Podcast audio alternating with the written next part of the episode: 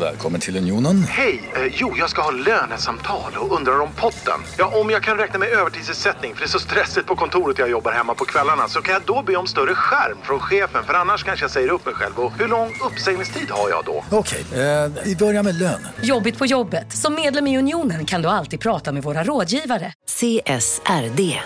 Ännu en förkortning som väcker känslor hos företagare. Men lugn, våra rådgivare här på PWC har koll på det som din verksamhet berörs av. Från hållbarhetslösningar och nya regelverk till affärsutveckling och ansvarsfulla AI-strategier. Välkommen till PWC. Ja, Hallå? Pizzeria Grandiosa? Jag vill ha en Grandiosa capriciosa och en pepperoni. något mer? Med kaffefilter. Ja, Okej, ses samma. Grandiosa, hela Sveriges hempizza. Den med mycket på.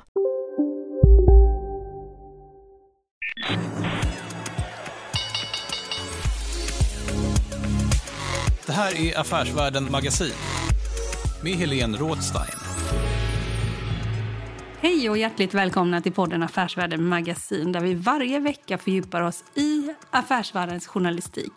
Och den här veckan så ska vi prata om elbilsbranschen. Vi har ett, eh, I det senaste numret av Affärsvärlden så har vi ett eh, reportage från Tyskland om elbilsmarknaden. Vi har från USA och vi har också lite om Volvo.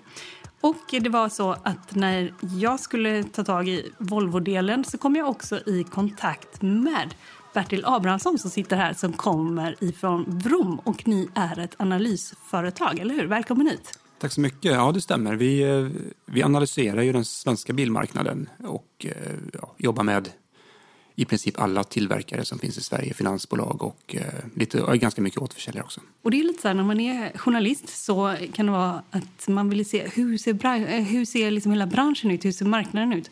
Och då är ett knep, och det kan vara ett tips till flera, det är ju att man frågar stora bolagen själva, vilken leverantör använder ni för att analysera marknaden? Och på Volvo så eh, blev jag rekommenderad då att kontakta Vrom. Men ni är inte så kända, varför inte?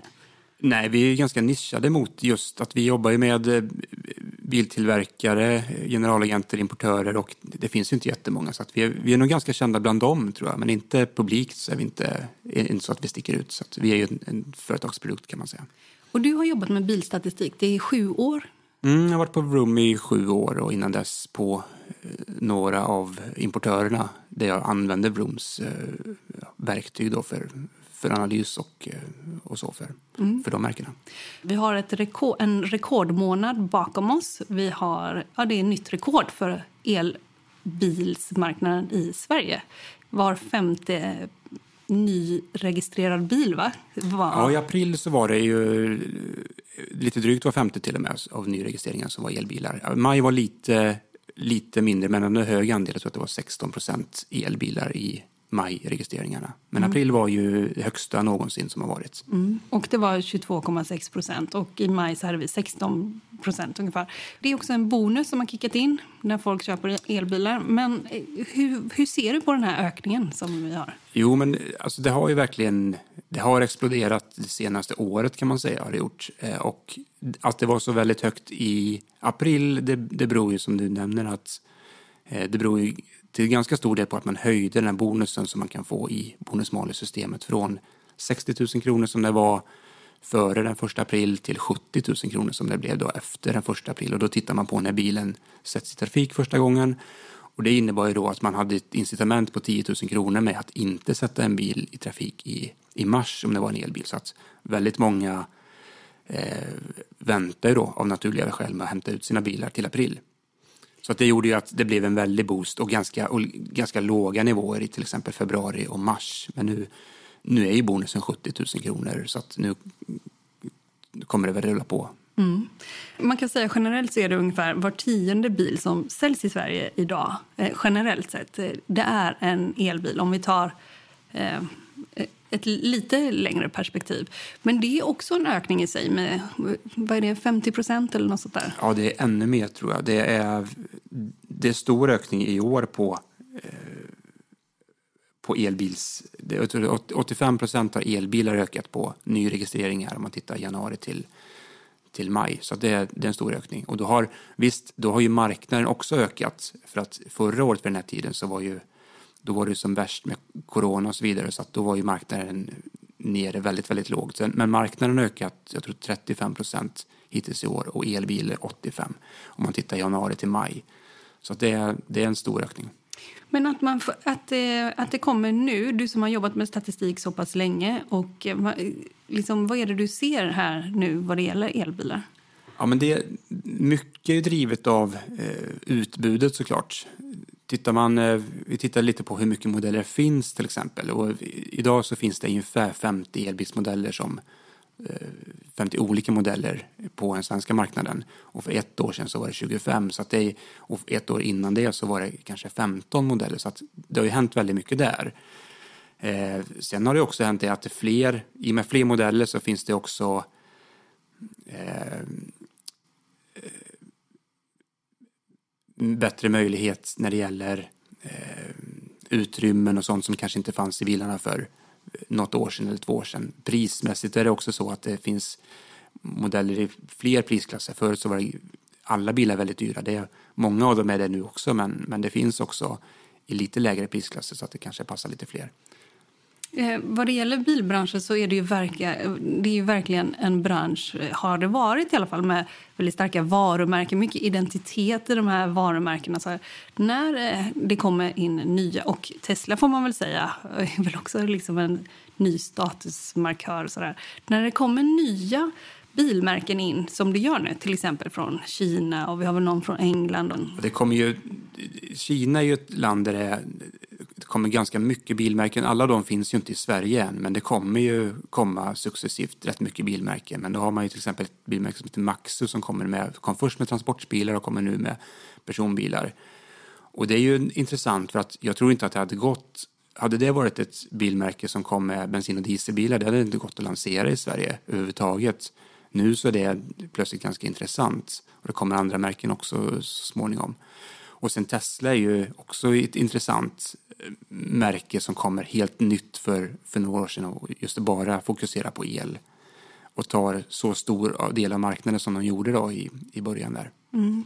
För, vad gör det med de gamla varumärkena och de gamla, liksom de gamla biltillverkarna? Hur, hur påverkas marknaden av att det kommer in nya aktörer? Ja, det, det blir intressant att se nu. För fortfarande är det så att volymerna är ju volymerna elbilar är fortfarande eh, Även om det är rekord nu, vi pratar om var femte bil i april och sen 16 procent i maj, så är det klart att det är fortfarande 85 procent som inte är elbilar i, i maj. Men det är ju så att alla nu har lite grann, man tittar på som sagt, vi pratade om utbudet förut, alla har ju bestämt sig för att man kommer satsa på det här. Nästan alla eh, har bestämt sig för att man kommer, kommer satsa på det här. Och man satsar väldigt stora pengar. Eh, och då har man ju, det gör man för att man har tittat på till exempel Tesla och eh, hur, hur de har tagit en ganska stor marknadsandel, hur de har kunnat göra eh, de här bilarna som man inte riktigt trodde på från början med eh, ganska lång räckvidd och, och så vidare. Och lyckats med det. Och man tittar också mycket på Teslas affärsmodell, hur den är utan återförsäljare, att man säljer bilarna själv på nätet och det. Det är ju också många som vill vill gå dit för att det är, det är helt enkelt högre lönsamhet i det. Mm. Och det, det, ser man också som Volvo Cars som har slukat flera återförsäljare och sagt upp kontraktet till exempel med Bilia och sådär. Och ska sälja alla sina elbilar online. Um, så man kan tänka sig att det här kommer ge ringar på vattnet som vi också inte kan se och föreställa oss ännu då framöver. Dels med marknaden och dels också i återförsäljarleden och sådär. Va, eh, liksom, vad kan man tänka sig med återförsäljarna framöver? Ja, men det är en intressant fråga. Och det, är, det är nog så här, det är att en del är säkert ganska nervösa för det här att, och gillar kanske inte att tillverkarna mer och mer en uttalad ambition att de ska sälja sina bilar själva. Eh, samtidigt så är det klart att det kommer nog behövas återförsäljare för att någon, någon ska leverera bilarna, någon ska serva dem och någon ska sälja dem på begagnatmarknaden. Så att det kommer finnas en plats, är jag ganska övertygad om, för för bilåterförsäljare. Däremot så kanske inte den rollen kommer se riktigt likadan ut som, som den har gjort hittills. Nu, nu pratar man mer om de här agentmodellerna, att det, är det har ju till exempel Mercedes infört i Sverige, att det är Mercedes som säljer bilarna eh, och återförsäljaren är en agent som förmedlar bilen, kan man säga, levererar den och får en ersättning för det. Och det kan ju finnas fördelar i det också som återförsäljare att då eh, plötsligt så äger du inte lagret vilket gör att du binder mindre kapital och, eh, och sådär. Så att det finns ju nog både för och nackdelar i, i det som återförsäljare. Vad finns det för andra fördelar? För jag förstår ju att eh, det här att eh, du inte ger bort en del utav försäljningen då till någon annan. Att du, det tjänar man. Men finns det något annat också som man tjänar på att eh, ta hem försäljningen? För tillverkarnas del? Ja. Ja, det är nog framförallt så är det nog marginalen man vill åt, tror Mm, jag. mm. Eh, men det är också så att du kanske kan få en mer enhetlig marknadsföring och, och sånt. Att man, att man tar även de bitarna helt, helt själv. Och Du får kontroll på du kunden. får kontroll på, precis. Och du, det är också där, om vem, det är mycket diskussion om det, vem ska äga kunden? Eh, Mm. och det tycker ju alla att de gör. Tillverkaren tycker att det är deras kund och Mm. återförsäljaren tycker att det är deras och finansbolaget tycker att det är deras kunder i sin tur. Marknaden sponsras av SPP, pensionsbolaget. Eh, Förra gången pratade vi lite om ITP. Och som en kort repetition så, så var det ju 70-tal. Arbetsmarknadens parter bestämde att alla tjänstemän ska ha en tjänstepension. Man kom överens om vilka villkor som ska gälla i den här pensionen och så kallade man den för ITP. Så jobbar man idag som tjänsteman i ett företag med kollektivavtal, då har man förmodligen den här pensionen, ITP-pensionen. Eh, och det är ju så att man kan påverka eh, den här pensionen, hur den är placerad. Vart femte år så gör nämligen Collectum, som de heter, en enorm upphandling där olika pensionsbolag kan ansöka om att få förvalta eh, de här pensionerna. Och SPP är ett av bolagen som valdes ut i den senaste upphandlingen. Och sen kan du som pensionssparare välja eh, vilket av de här olika pensionsbolagen som, som då ska få ta hand om dina pengar. Och tanken med den här upphandlingen det är ju att liksom kvalitetssäkra de här olika alternativen eh, men också att förhandla fram stora rabatter så att pensionsspararna ska få ja, kunna spara pengar genom att avgifterna eh, som är så viktiga eh, blir eh, lägre. Och vill man välja någonting i ITP-systemet då finns det en relativt ny sajt som heter avtalat.se. Ehm, där kan man gå in och se hur sin ITP-pension är placerad. Jag gjorde det häromdagen faktiskt. Ehm, idén är att hälften av pengarna alltid ligger i något som kallas för traditionell försäkring. Det här gjorde vi ett avsnitt om i podden Kapitalet nyligen eh, som vi kallade världens bästa sparform. kan man lyssna på om man är intresserad. Eh, den andra halvan eh, den kan man också lägga i en traditionell försäkring eller så kan man placera det i något som kallas för fondförsäkring. Eh, SPP som sagt eh, var ju ett av de fåtal bolagen som valdes ut i den senaste upphandlingen och de finns med som alternativ både med en traditionell försäkring och med eh, fonder. Så det var en liten bakgrund till ITP-systemet. Vill man läsa mer om det här eller typ kolla hur ITP-pensionen är placerad, eh, kanske göra förändringar, då går man in på avtalat.se. Eh, men tack säger jag till SPP som vill göra oss människor mer medvetna om hur enormt viktig pensionen är för oss som en framtida lön, men också som en positiv kraft i samhället eh, och förstås för att ni möjliggör eh, den här podden Marknaden. Du lyssnar på Affärsvärlden Magasin med Helene Rådstein. Vi backar bandet med procent där en liten stund tänkte jag. För att nu pratar vi om de här höga talen. Var femte har en elbil och var tionde ny registrerad privat en elbil. Men om vi ser till hela parken, liksom bilparken i Sverige som är väl fem miljoner bilar ungefär. Då är vi ju nere på en helt annan siffra. Då är vi nere på 1,3 procent ungefär. Precis. Ja, och om man då borrar ner sig i, om vi tittar lite på vem är det som köper en elbil Mm. idag, Mm. då är det ju också att den här 1,3 procenten, den varierar ganska mycket. Kan du inte berätta vilka, liksom, hur ser, hur ser en elbilskonsument ut Ja, nej, men det, det är ju det är ju en gubbe då, en elbils... Det, det är ju, dels så I är det ju- högre utsträckning? Ja, i hög, ännu högre utsträckning Ja, än, ja. än bilmarknaden totalt sett. Ja. Man kan väl säga så här att om man, tar, om man börjar med nybilsmarknaden för, för elbilar Mm. eh, så bilmarknaden totalt sett har några olika delar. Det är privatmarknaden som är ungefär halva marknaden och sen har du något vi kallar för tjänstebilsmarknaden med förmånsbilar framför allt som är ungefär en tredjedel och sen har vi hyrbilar, stat och kommun, taxi och så vidare, resten. Och det är en jätteliten, det är 3 Ja, det är procent är eller något. ja, precis. Och så hyrbilar är ganska mycket. Det är Ja. 12-13 procent. Ja, Och ja. sen eh, stat och kommun 5 kanske och Mm. 1 procent aktie eller så. Mm. Men, eh, men privatmarknaden och tjänstebilsmarknaden är de två stora. Mm. 85 procent ungefär. Mm. Eh, och där är privatmarknaden lite större. Och det ser likadant ut. Tittar man på elbilsvolymerna som går ut så är det, pratas det mycket om att elektrifieringen drivs av företagskunderna. Och det är sant när det gäller laddhybrider. Eh, Men på rena elbilar så är det större volymer som hamnar på direkt hos privatkunder än som hamnar hos företagen. Eh, och det är också där det växer mest. Tittar man hittills i år på försäljning till privatperson elbilar så ökar det med eh, 130 procent eller någonting. Och försäljning av elbilar till på tjänstebilsmarknaden ökar 70 procent. Så det är större ökning och det är också större volymer som går ut på, på privatmarknaden. Så det är väl det första, att det är viktigt att komma ihåg det, att det inte bara, bara det att det eh, går ut massa bilar på, på tjänstebilsmarknaden utan privatmarknaden är faktiskt för elbilar just nu viktigare för att fylla på beståndet. Sen vilka, om man tittar då lite närmare på, elbil, på privatmarknaden för elbilar, vilka det är som köper, så är det ju så att då kan man titta lite på ålder eh, och där är, de något yng, där man något yngre om man köper en elbil.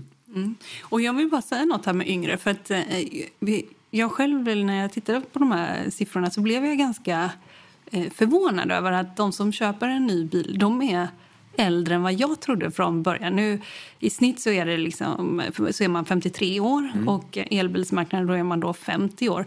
Eh, Så lite, när du säger lite yngre, så för alla personer, eh, jag är inte helt ung, men för alla personer är det ju inte så ungt. Mm. Men det, det är också en sån eh, intressant grej som finns på bilmarknaden. Tittar man på, på nybilsmarknaden så är ju fem, hälften av alla som köper en ny bil över 55 år och 25 procent över 65 år. Eh, och då är det, och snittåldern som du säger, den är 53. Och då har den ändå minskat ganska mycket de senaste åren i och med att privatleasing har kommit in som ett, som ett fenomen på marknaden där kunden är väsentligt yngre. Eh, och, då, och det har sänkt eh, medelåldern på nybilköparna. Vad säger biltillverkarna om att eh, kunderna är... Ja, men det är övre medelåldern minst. Ja, det är det ju. Och det är ju lite intressant om man till exempel tittar på hur eh, reklambudskap och annat ser ut för bilar så är det ju kanske inte riktigt vänt till den målgruppen alltid. Nej. Eh, och det, det är till och med så att det är ganska stora volymer personer över 70 75, till och med 80 år som köper nya bilar. Eh, Och det är ju, känns inte som att någon som vänder sig till dem egentligen. Eh, så att man har väl en, ofta en lite annan bild. Det märker vi när vi är ute och träffar våra kunder också. Man har en lite annan bild. Man tror inte riktigt att det ligger till så utan man tycker att ja, men det är väl eh, det är väl 30-40-åringar köper nya bilar, men så är det är ingen jättestor. Det Nej. finns volymer där också. Och som sagt, pri- privatleasing har verkligen ändrat det, men, men de stora volymerna på nybilsmarknaden ligger i folk som är i alla fall plus 55. Och tittar man vart finns det mycket eh, kapital eh, hos privatpersoner? Det är klart att om man tar då någon som har eh, född på 40-talet av sin villa utan lån knappt upp, fått betalt och så vidare. Så det är klart att det är kanske De lättare haft för den personen Ja, ja. och köpa en ny bil än vad det är för någon som eh, precis har lagt eh, 9 miljoner på ett hus i, utanför Stockholm eller vad- vad det Absolut. kan vara. Någonstans. Vad det gäller män så är det en större andel män Mm. eh, eh, som köper elbil än på totala bilsmarknaden. Varför, varför är det så? Eh, ja, det vet jag inte. Men det, det är ju generellt så att män eh, är vanligare som bilköpare än kvinnor. Eh, och på elbilar så är det ännu vanligare. Eh, och Sju av tio ungefär. Ja, det är sju- sju av tio. Och då, vi har inte gjort någon närmare analys av det, men, men man kan se om man tittar totalt sett så är det väl så att eh, tidigare man har tittat, och, tittat på just de bilar som män köper jämfört med de bilar som kvinnor köper så är det ju kanske större, dyrare bilar män och lite billigare, mindre bilar kvinnor. Om man ska generalisera lite grann så är det inte alltid. Men, men, Men det här är ingen åsikt, det här är liksom Ja, det är ingen åsikt, det är ju statistik. fakta, ja, exakt. Ehm, Och även dyrare bilar då, för det hänger ihop. Stora och, och bilar är lite dyrare. Och elbilarna har ju varit dyra, eller är fortfarande dyra. Så att det skulle kunna vara någon, att ligger lite i det. Att det är, Och sen då om vi tittar på det, liksom, det totala beståndet då ser vi också att det är också eh, folk som bor i områden där i välbeställda områden, framförallt då runt Stockholm. Vad det gäller den nyaste bilstatistiken så är det, inte- eh, då är det inte alltid de som ligger i topp. Alltså vi pratar om de som ligger i topp, det är Danderyd i topp va? Mm, om man tittar på Om man tittar på privatägda elbilar Ja. eh, privat, och elbilsandel per kommun så Mm. kan man titta så här, vilka, vart är det vanligast att man äger en elbil oavsett Mm. när man har köpt den egentligen. Och då är Danderyd nummer ett och sen har vi eh, Lidingö, några. Lidingö nummer Ja. två och eh, några andra kommuner, Ekerö och eh, Vellinge tror jag. Ganska högt upp på den här listan. Där Falsterbo ligger för de som inte Ja, vet. men det. precis. Och det, och det är ju klart att det är ju kommuner som kanske ofta förknippas med relativt höga medelinkomster. Eh, Och det är klart, det är dyra bilar också. Men när man tittar på, så det är ju ena sidan om man tittar på kommunnivå, men när man tittar på län som är då eh, större eh, än enskilda kommuner naturligtvis, då det, ser det lite annorlunda ut. Då har vi ju Västerbotten I topp. i topp. Med Umeå som största stad. Ja, precis. folk- ja. Jämtland ligger högt. Ja. Eh, Åre finns också där. ju. Åre finns ju i Jämtland, precis. Eh, Så att det, då ser det lite annorlunda ut faktiskt. Ja, och då är det, men har man, och Blekinge ligger ganska lågt till Blekinge exempel. ligger lågt, ja, precis. Så det finns ju väldigt eh, regionala avvikelser också vad det gäller Ja. den svenska elbilsmarknaden. Absolut. Har du någon eh, take på det, varför det ser ut så? Om man tittar på så vilka regioner som ligger långt fram och som har hög andel elbilskunder så är det ofta så att man ser att det är kopplat till, till någonting. Jag menar, tar, man, tar man Jämtland så har du Jämtkraft som är eh, ganska eh, de ligger långt fram i laddinfrastruktur och, och pratar mycket om det och, och bygger mycket där. Eh, tar man Västerbotten eh, så har du ju eh, Skellefteåkraft. Skellefteåkraft, precis. Eh, och då Northvolt. Så det är mycket, Batterifabriken, Det, ja. precis, det pratas mycket elektrifiering på de, på de platserna och att man har aktörer som faktiskt driver på också utbyggnaden av laddinfrastruktur och så vidare.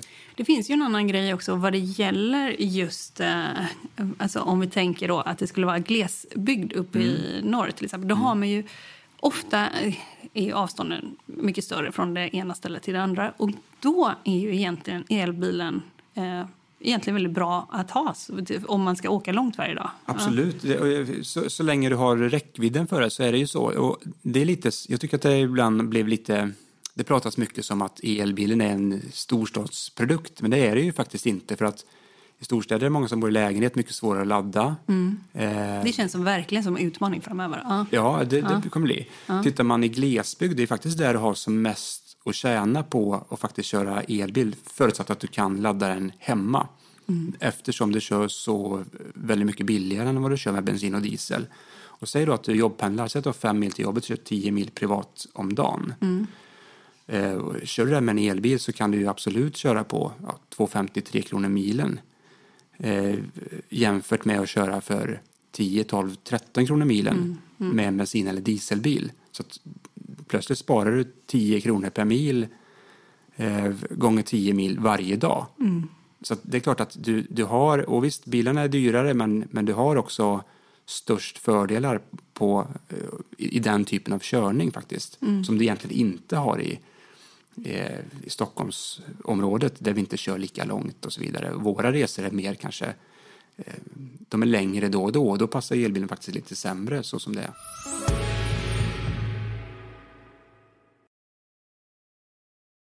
Eh, marknaden sponsras av Karla. Vi pratar ju en hel del om bilar här- på kontoret. Karla har ju skapat, skulle jag säga, det som är standarden för hur man idag köper och säljer bilar på nätet. Eh, Kort bakgrund bara. Eh, Karla säljer och leasar begagnade elbilar eh, och laddhybrider på karla.se. Alltså en helt eh, digital upplevelse. Och man har gjort det här med ett nästan maniskt fokus på vad en bilköpare faktiskt behöver. Jag gjorde ju en intervju med en av grundarna, Patrik Illerstig, i marknaden här eh, ganska nyligen, eh, daterad 25 mars, om man vill lyssna på den. Eh, men där berättar han hur de kom in i det här lite från vänster för att försöka uppfinna hela den här liksom bilköpupplevelsen från början. Och de har idag, vilket är rätt otroligt, 4,8 i betyg eh, på Trustpilot. Jag, jag har sett många företagssidor på Trustpilot, men det här är nog bland eh, det bästa jag någonsin sett eh, faktiskt. Man kan sälja bilen till Karla också. Eh, då går man in på karla.se, delar lite info om bilen, sen får man en gratis värdering och ett bud. De hämtar bilen helt gratis i hela Sverige och så har man pengarna på kontot i samma stund som de hämtar bilen. Det är grymt. Eh, så ska du köpa en ny bil eller sälja din gamla, eller båda delar för den delen, gå in på karla.se och eh, kolla. Alltså karla.se och Karla stavas med C. Tack så mycket till Karla.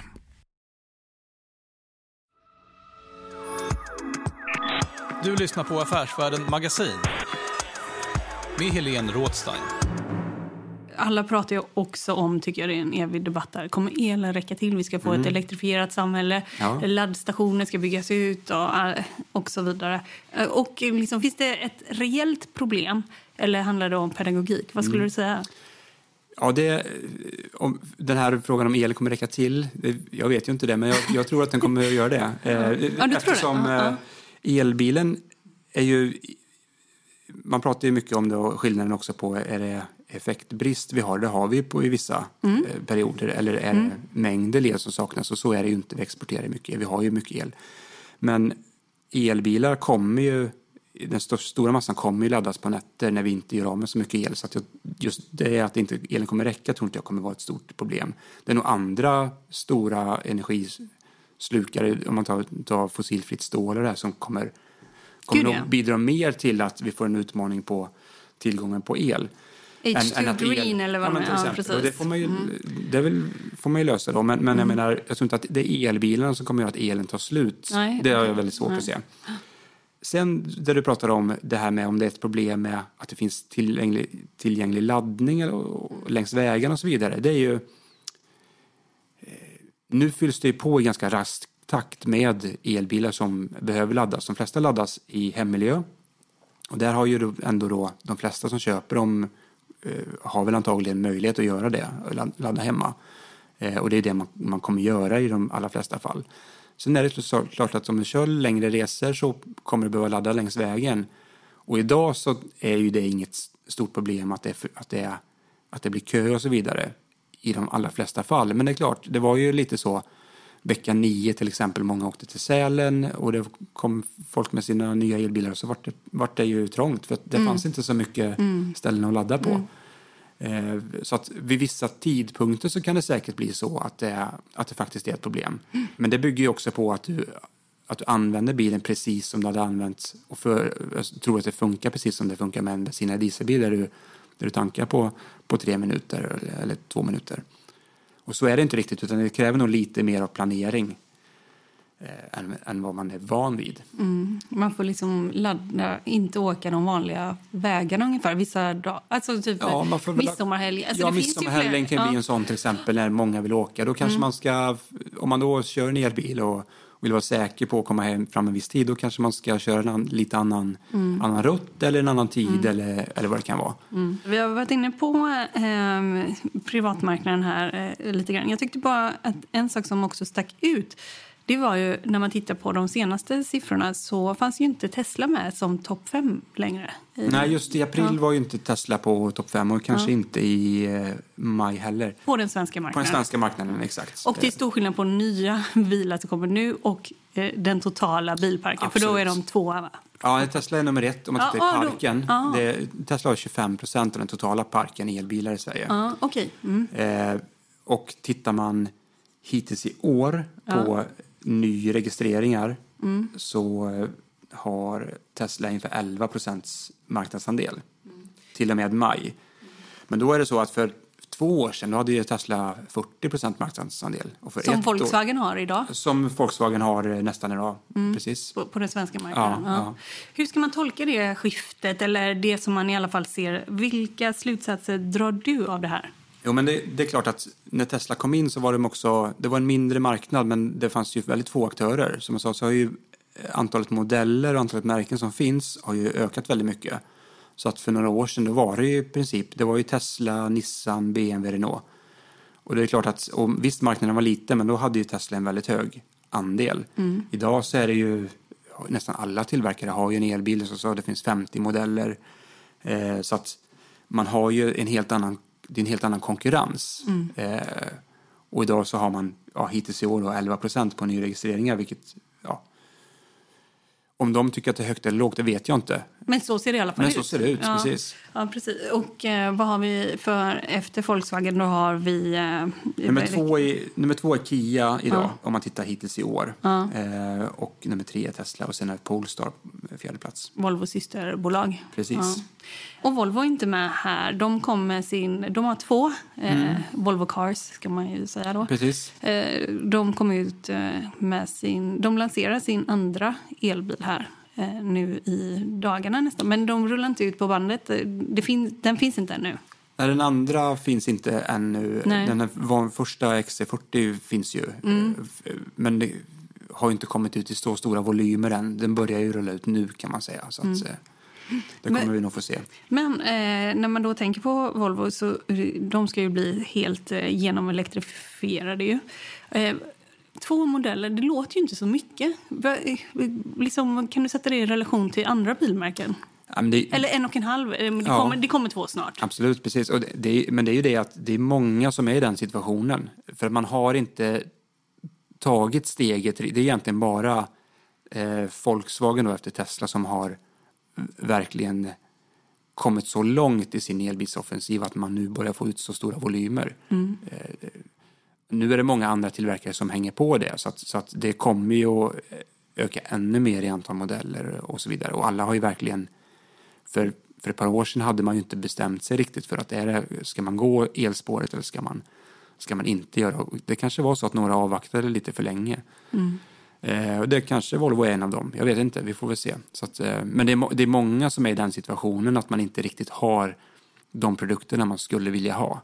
Och det finns ju någon ironi här också i Volkswagen som väl eh, man kan föra... Eller det är väl helt enkelt så att på grund av deras eh, Dieselgate-skandal så har man accelererat den här utvecklingen. Eller? Ja, jag, jag tror att det är en ganska stor bidragande orsak till att de är så långt framme faktiskt. Är, för att det är ju, har ju blivit ett sätt att lite rädda ryktet för, för Volkswagen. Mm. Den här jättesatsningen man har gjort på, på elbilar som, som nu gör att det är, ja, men kommer alltså- väldigt mycket modeller ja. ut från alla deras varumärken. Så att, eh, Mm, ja.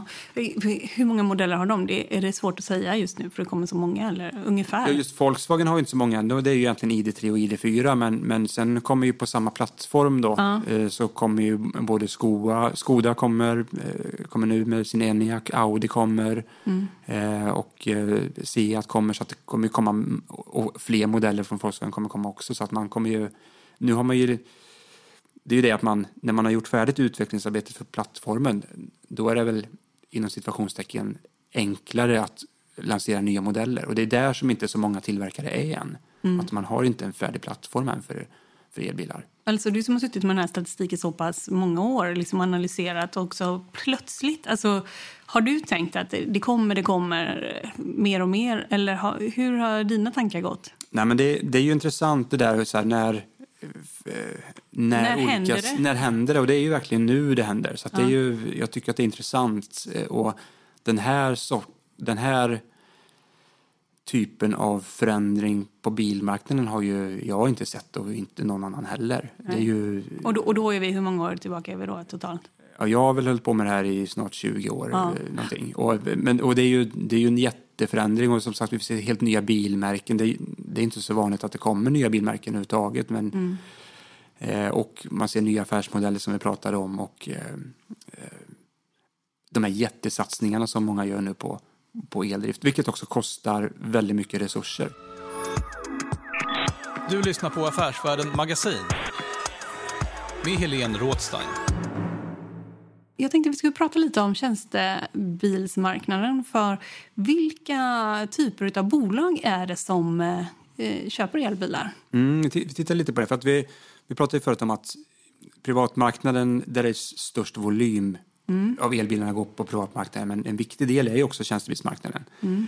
Eh, eh, det är mycket förmånsbilar. Och då tittade vi lite på vad är det för skillnad då på, eller är, elbilen överrepresenterad någonstans eller underrepresenterad någonstans? Och då ser man ganska tydligt att elbilar är överrepresenterade på mindre företag med små bilparker, en till fem bilar, klart överrepresenterad. Och något underrepresenterat på stora bilparker, eh, och, och däröver. vi tittade också lite på, finns det några branschkoder som sticker ut bland just de här elbilsköparna? Och där, där är det mycket om man tittar som organisationskonsulter, IT-konsulter, finans, eh, den typen av, av, av bolag är överrepresenterat. Då. Och om man ser då på privatleasingen, eh, på, på den sidan. Om, Mm.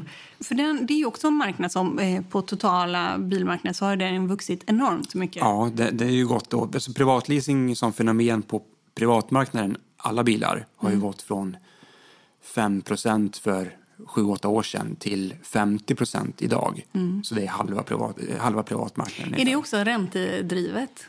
Ja, det är drivet av alla möjliga saker. Det är ju dels så är det ju att det är en produkt som efterfrågas, att man vill inte ha den här restvärdesrisken som du har om du köper en ny bil. Du vet Mm. inte vad den är värd efter tre Mm. år.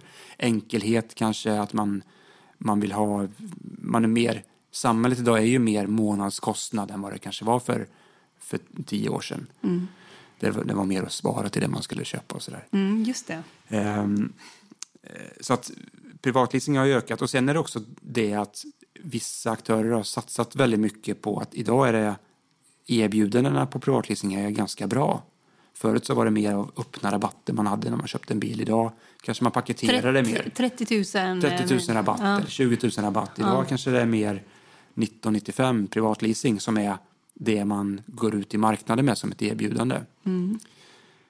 Så att det, det vuxit väldigt, väldigt mycket och som vi var inne på, man får ju lite yngre kunder med det, vilket tillverkarna tycker är bra för de kommer ju köpa fler bilar eh, framöver naturligtvis. Eh, men tittar man då på, som sagt, 50% privatleasing på totalmarknaden privat.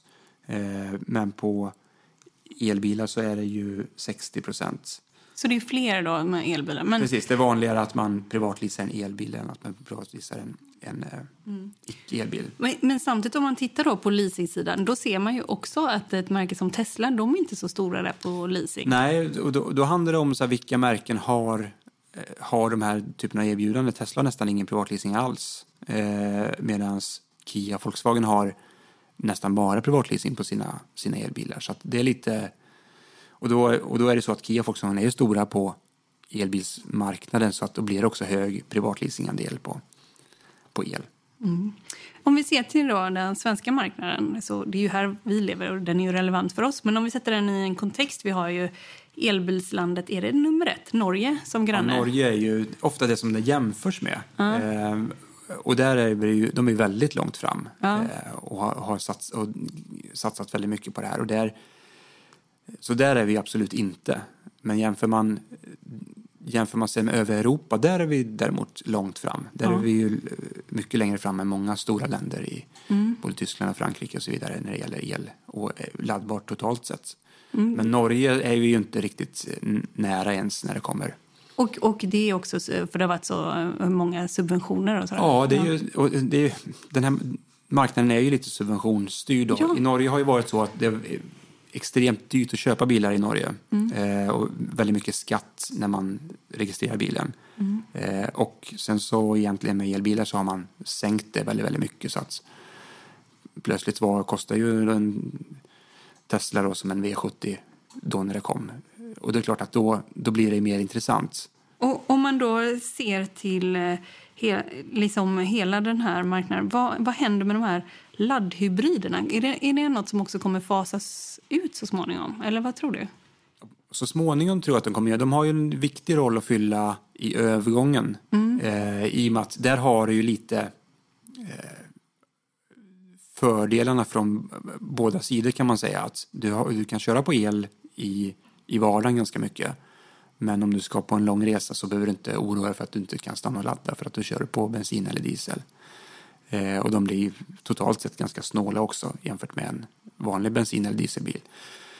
Så att det, de är viktiga i det avseendet. Sen är det klart att det är ju en ganska dyr teknik för att du måste ha två drivlinor. Du måste både ha en eldrivlina och en förbränningsmotor. Så att Alltså att montera bilen är Ja, dyrt. byggaren, Mm. utvecklaren, Ja. allting. Så att jag tror att tillverkarna vill nog egentligen inte Mm. ha det där Mm. på lång sikt. Mm.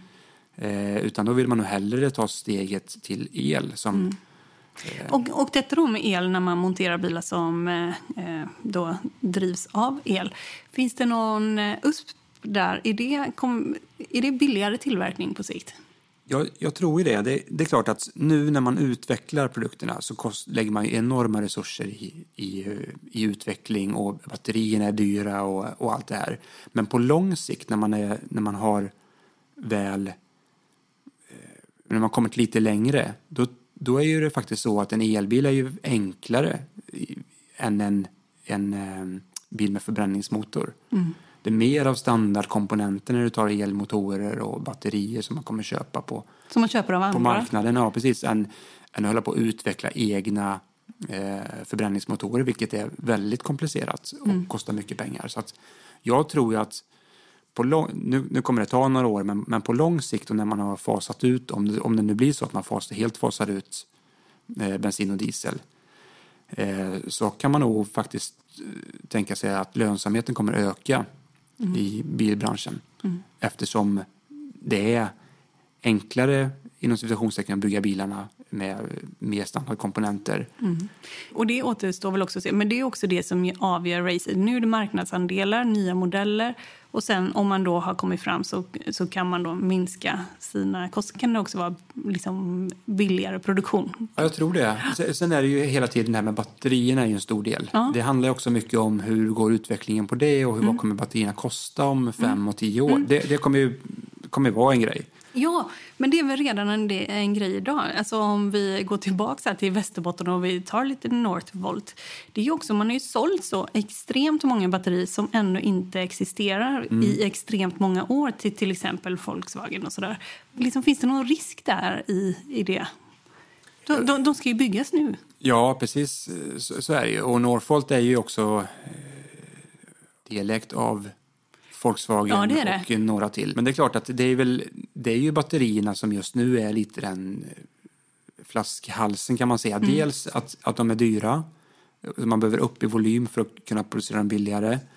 Eh, också att de är kanske i vissa fall lite för små, att räckvidden där är kanske lite på gränsen. Mm. Om räckvidden ökar 10-15 mil bara Mm. så, så har man en helt annan marknad och väldigt många fler som kan tänka sig faktiskt köpa en elbil. Och annars det stora hotet, jag tänker också på som vi sa här med Norge, där det har eh, liksom de som har mest eh, el, det är också att det har varit otroligt subventionerat och hela marknaden Mm. är subventionerad. Om det, om, om det skulle sluta, man får liksom ny, nytt parti, eller nya partier som eh, kanske inte tycker det här är så jätteviktigt. Vad, eh, hur viktigt är de statliga subventionerna? Subventionerna är ju viktiga. Alltså, Ja. Så är det. Det, det, det. Och även i Sverige, menar 70 000 kronor på en ny bil är ganska mycket. Ja, det är det. Eh, och eh, mycket mer i Norge till exempel. Och det är klart att det hade ju inte, Norge hade inte varit där utan subventioner. Mm. Och Sverige hade inte varit där vi är nu utan subventioner. Mm. Men, och det är klart att på lång sikt så kan det inte vara så att man ger personer som köper nya bilar 70 000 kronor varje gång de köper en bil. Ja men, ja, men exakt, det, det funkar ju inte. Utan Nej. det måste ju, som allt annat, måste det ju bära sig självt. Ja, ja. Det tror jag man kommer i och för sig. För det, det som, och tillbaks till det då att fördelarna som du har som, som konsument det är ju faktiskt eh, milkostnaden Mm. som är oerhört mycket lägre. Mm.